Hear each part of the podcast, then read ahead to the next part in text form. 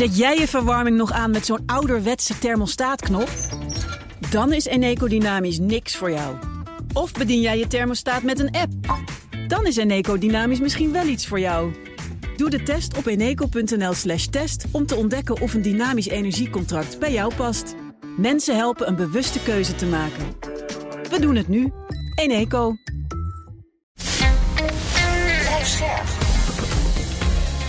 BNR Nieuwsradio. Boekenstein en de Wijk. Hugo Reitsma. Welkom bij Boekenstein en de Wijk. Het is maandag dag 516 van de oorlog in Oekraïne. En bij ons is defensiespecialist en oud-luchtmachtofficier Patrick Bolder. Dag Patrick. Goedemiddag. Uh, mag, mag ik bij jou beginnen voor de situatie op de grond? Ja, dat is goed. Um, ja, eigenlijk... Um, kijk, aan het front zelf, dat is een situatie zoals we die eigenlijk al twee maanden kennen. Er wordt verschrikkelijk hard gevochten, maar de voortgang is bijzonder gering. Het ligt ook een beetje aan welke bronnen je raadpleegt. De Russen zeggen natuurlijk dat zij veel winnen en de Oekraïners die vertellen het andersom. Als je het een beetje objectief probeert te bekijken, dan lijkt het alsof in het noordoosten, in de provincie Luhansk, bij Kremina, daar in de buurt Svatove, dat de Russen daar wat verder weer naar het westen komen. Dat die daar een bufferzone proberen te creëren tot aan de rivier. Gaan we verder naar het zuiden, richting Bakhmut, dan lijken toch wel de Oekraïners in het voordeel te zijn daar en geleidelijk aan meer en meer af te snoepen en de Russen onder druk te kunnen zetten, ook uh, in Bakhmut.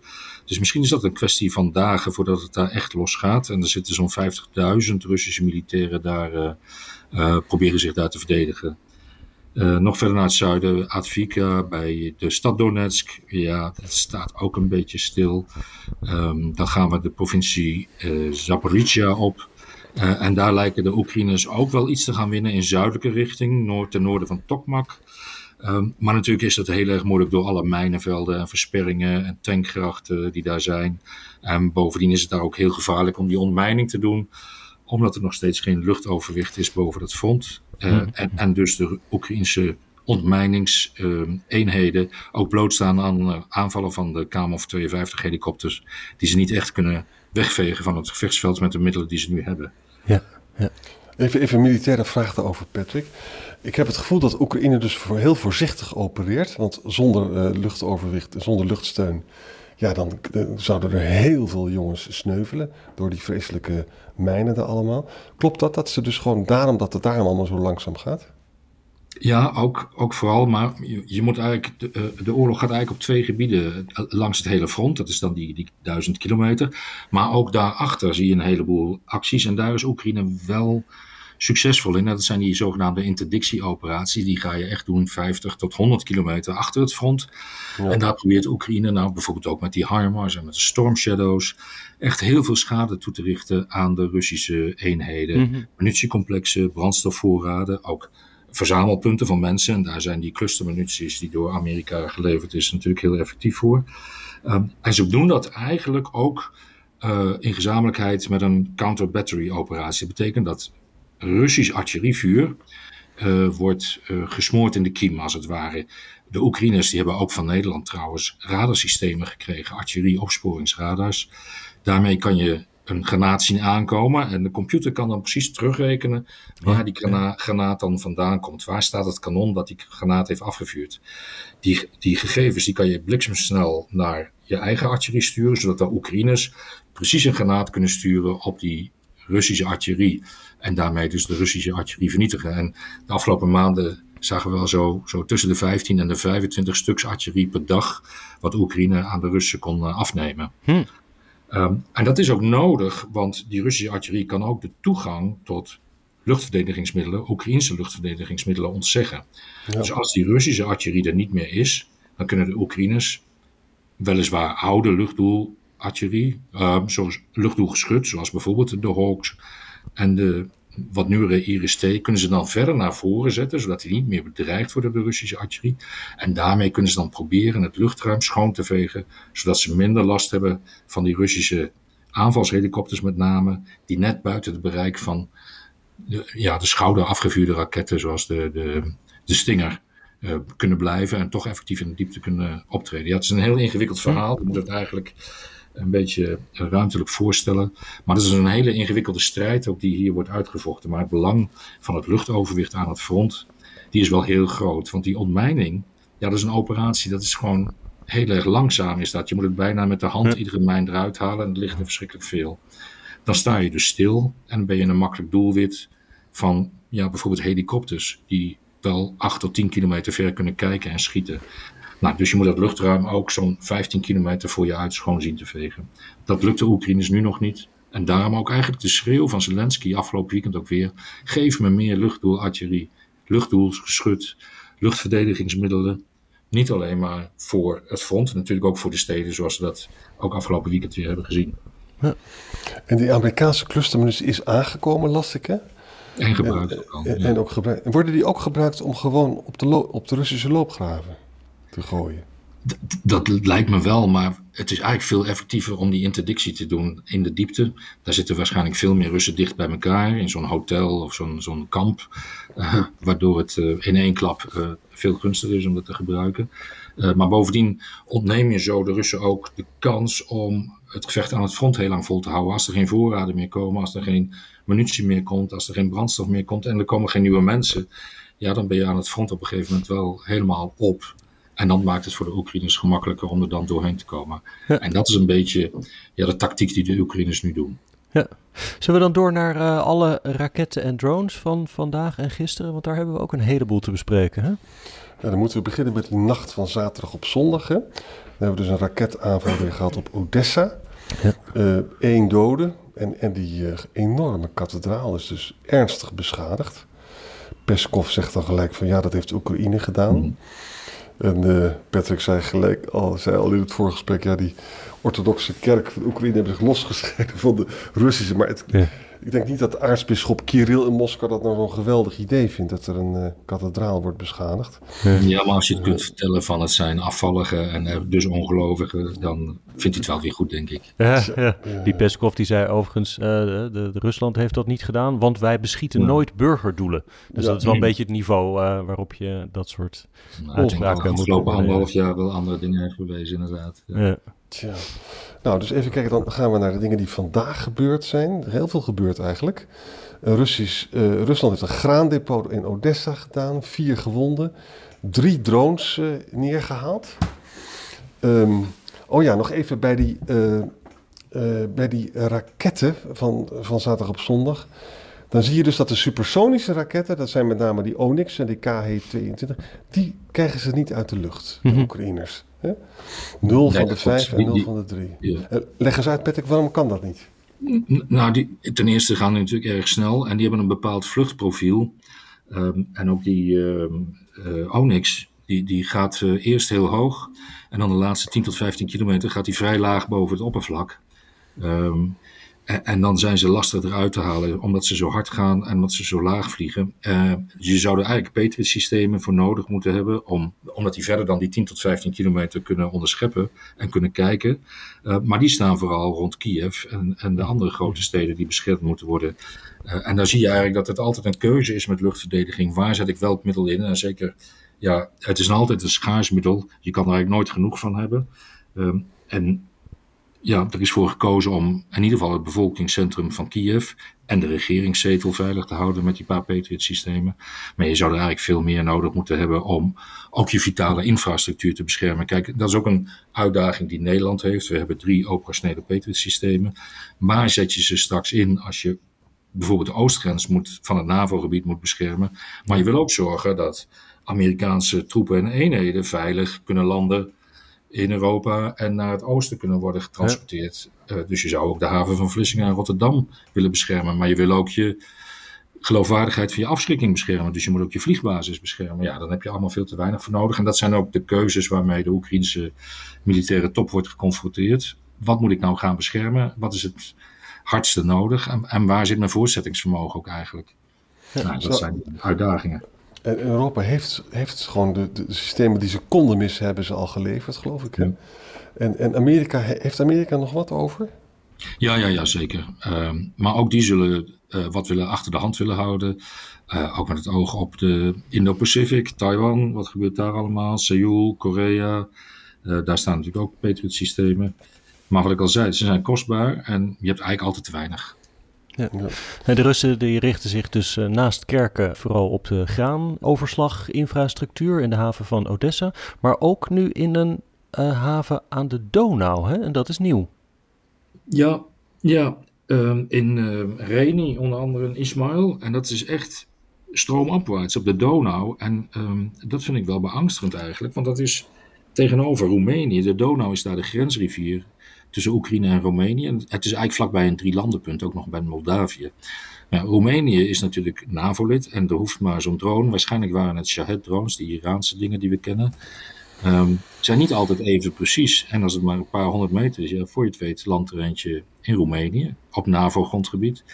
Ja. Wordt dan onze reactie. Ja. Dat is echt het. Uh, en, en het is volgens mij ook wel duidelijk. Kijk, Rusland zegt natuurlijk, we willen ook zelf gaan exporteren om de wereld niet te laten verhongeren. Maar ze doen er alles aan om de Oekraïners ook maar nu en op de lange termijn enige graankorrel eigenlijk te doen exporteren. Als je alle haveninfrastructuur sloopt. Eerst al bij de Zwarte Zee van Odessa. Het alternatief was de Donau opvaren.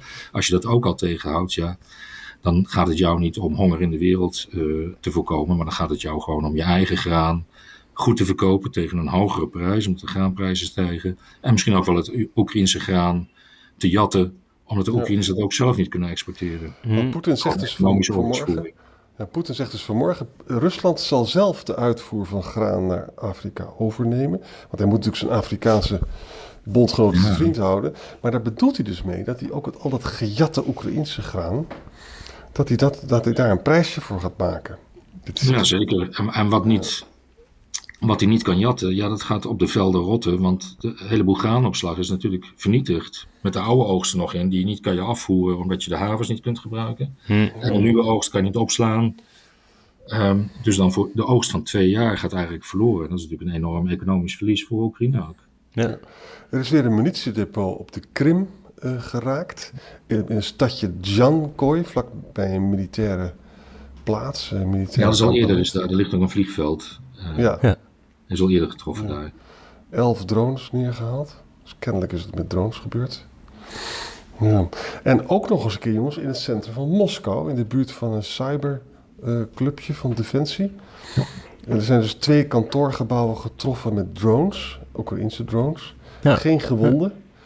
Maar ja, als je naar dit filmpje kijkt, dan zie je toch wel een, een, een belangrijk gebouw met, met een behoorlijke schade. Vind je? Zeker.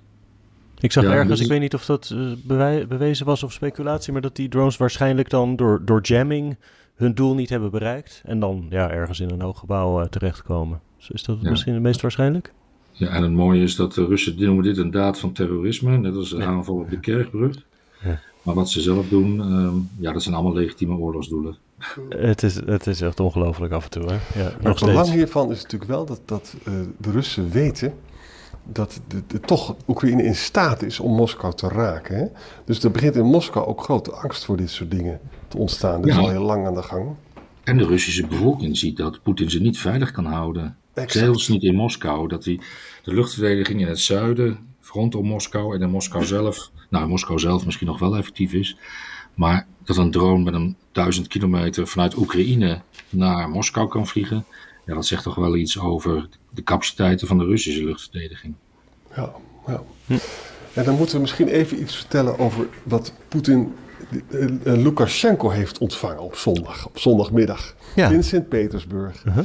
Dat is wel een, ik vind het wel een interessant verhaal. We, hadden, we hebben eerder in de podcast gehad dat er, er is een Poetin is onderdeel van de Petersburg-factie, daar komt hij vandaan. Hè? Mm -hmm. uh, en we hadden ook dan in een Newsweek een artikel, of het waar is wisten we niet, maar daar stond dan in dus dat een deel van die factie wilde eigenlijk wel van Poetin af, want ze vonden dat die oorlog helemaal niet goed loopt. Mhm. Of dat waar is, weten we niet. Maar in ieder geval heeft zondagmiddag Poetin uh, heel duidelijk laten blijken aan de hele wereld en ook aan Lukashenko dat hij dus absoluut aan de macht is. Hè? Hij heeft ook allemaal vrouwen en kinderen gezoend. Hè? Of, dat, of hij het zelf was of zijn lookalike, daar wil ik vanaf wezen. Maar het is allemaal gebeurd. En hij heeft daar ook zijn zorg uitgesproken over de potentiële dreiging van Prigozhin en de Wagnergroep tegen Lukashenko. En hij heeft Lukashenko meegenomen naar Kroonstad. En Kroonstad is, voor de mensen die de geschiedenis kennen, was dus een fort hè, op een eiland vlakbij Sint-Petersburg. En daar was dus een opstand uh, tegen de Bolshevisten. In 1921 en die is bloedig neergeslagen door de Bolshevisten. Dus ook heel symbolisch, dan ga je naar Kroonstad. Mocht je in opstand komen, dan loopt het je af. Net zoals met die jongens die dat geprobeerd hebben in Kroonstad. Ja, En, en wie gingen er mee met die tour? Ook heel symbolisch, lijkt Shakespeare wel joh. De dochter van Shogu. uh, de grote vijand natuurlijk van Prigozhin hè? en andersom ook. En de gouverneur Alexander Beklov, ook als een enorme vijand van uh, Prigozhin. Nou ja, het is, het is dus prachtig, hè? Dus, maar het is wel heel duidelijk dat, dat Poetin dus een grote behoefte om heeft om overal te laten zien dat hij ontzettend geliefd is bij de bevolking. En daar worden hm. foto's en filmpjes van geschoten. Dus en kennelijk is dat dus nodig. Ja, maar Lukashenko heeft daar volgens mij ook gezegd van hij controleert nu de, de Wagnergroep, want die is nu in Belarus. Maar dat betekent ook dat hij ze eventueel naar Moskou zou kunnen laten dirigeren om nog een keer een opstand te doen. Want volgens mij zijn Lukashenko en Poetin ook geen vriendjes, maar ze hebben elkaar hmm. wel heel hard nodig. Hmm. Ja. Hoe zitten ze elkaar onder druk te zetten? Dat is natuurlijk wel een hele interessante ontwikkeling. Ja. Ja. Dus het blijft uh, gisten daar uh, uh, in het Kremlin en omstreken. En daar was ook een rapport over. Um, wie, wie, wie, kan dat vertellen? Waar, waar nog het een en ander uit de doeken werd gedaan? Ja, ja dat, is, dat zal ik je vertellen. Van, er is een twitteraar die heet Chris Owicki. Ja, en die jongen die kreeg dus, die had een rapport van meneer Oleg Matveyev. Dat is een ja, politiek strateeg, geschreven voor Poetin. Dus aan het mhm. presidential uh, administration. Hè? Nou, en die zegt van, het is nog geschreven voordat Kirikin gevangen genomen werd. En die zegt van, uh, nou ja, het Kirikin moet gewoon aangepakt worden, die jongen heeft een veel te grote mond. Maar dat geldt ook voor een heleboel andere mensen bijvoorbeeld een aantal Kamerleden van United Russia, dat is de partij van Poetin. Hè? Meneer Kartapolov, die heeft een veel te grote mond. En de former speaker, dat is de voorzitter. Hè? Chariov is ook, heeft ook een veel te grote mond. En dan hebben we ook nog de editor-in-chief, dus de hoofdredacteur is Russia Today, Simoniev. Die hm? begint allemaal zelf dingen te, te bedenken. En meneer Deliakin, die begint te zeggen dat de roebel wel gedevalueerd wordt. Dat mag je helemaal niet zeggen, dat soort dingen. En dan de beroemde Soloviov, weet je wel, van Russia One Channel, die inderdaad heel erg ver gaat in die tv-programma's. Waar we ons oh ja, die wil altijd overal atoombommen opgooien. Ja, maar ook, maar ook, ook die echt heel open kritiek op uh, Poetin levert, hè, weet je wel. En ook, ook zijn mensen die, die in het panel heeft zitten, gaat echt heel ver. Ja, dus die staat niet, niet zonder toestemming van het Kremlin, wat hij daar allemaal roept. Volgens mij is het ook een beetje, moet hij de boel opjagen en dan kan Poetin als rustige staatsman, nou, het is allemaal niet zo erg en ik neem mijn eigen gematigde beslissingen.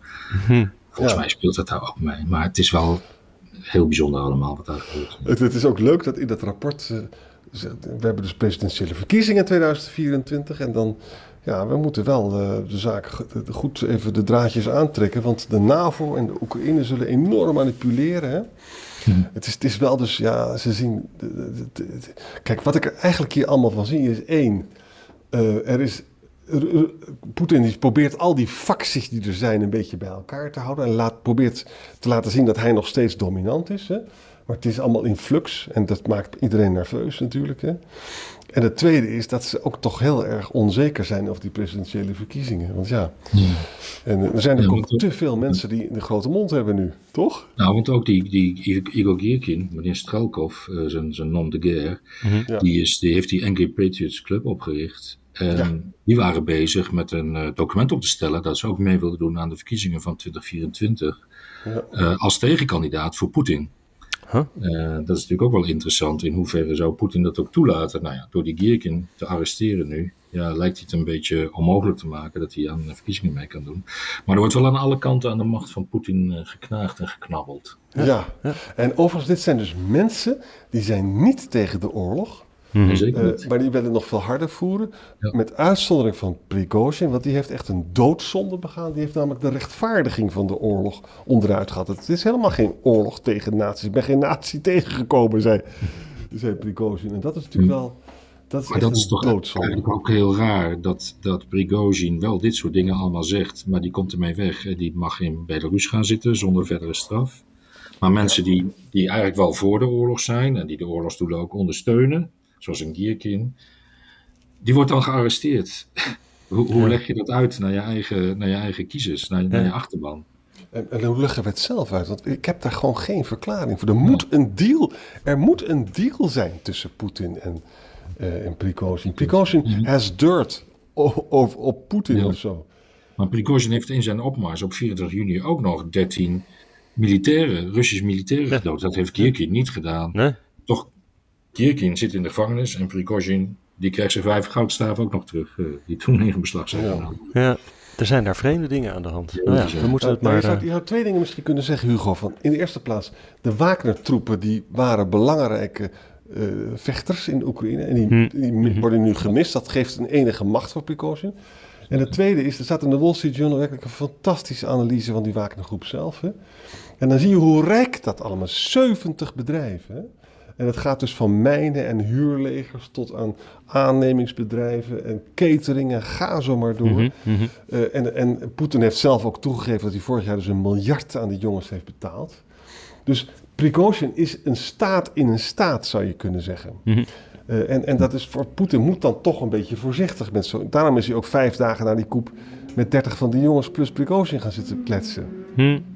Ja. Maar goed, nou, hoe dan ook, ja. hij is niet zo machtig. Ja. Uh, genoeg voor vandaag. Dank Patrick en Ajan. En uh, tot morgen. Tot morgen. Tot morgen. Bij BNR ben je altijd als eerste op de hoogte van het laatste nieuws. Luister dagelijks live via internet. Jelle Maasbach. Wesley Weert. We zijn er voor je met het leukste, opvallendste, maar natuurlijk ook het belangrijkste nieuws. Tijdens de presentatie van die halfjaarcijfers toen die beurskoers in elkaar kukkelde. BNR Beurs. Voor de slimme belegger. Blijf scherp en mis niets.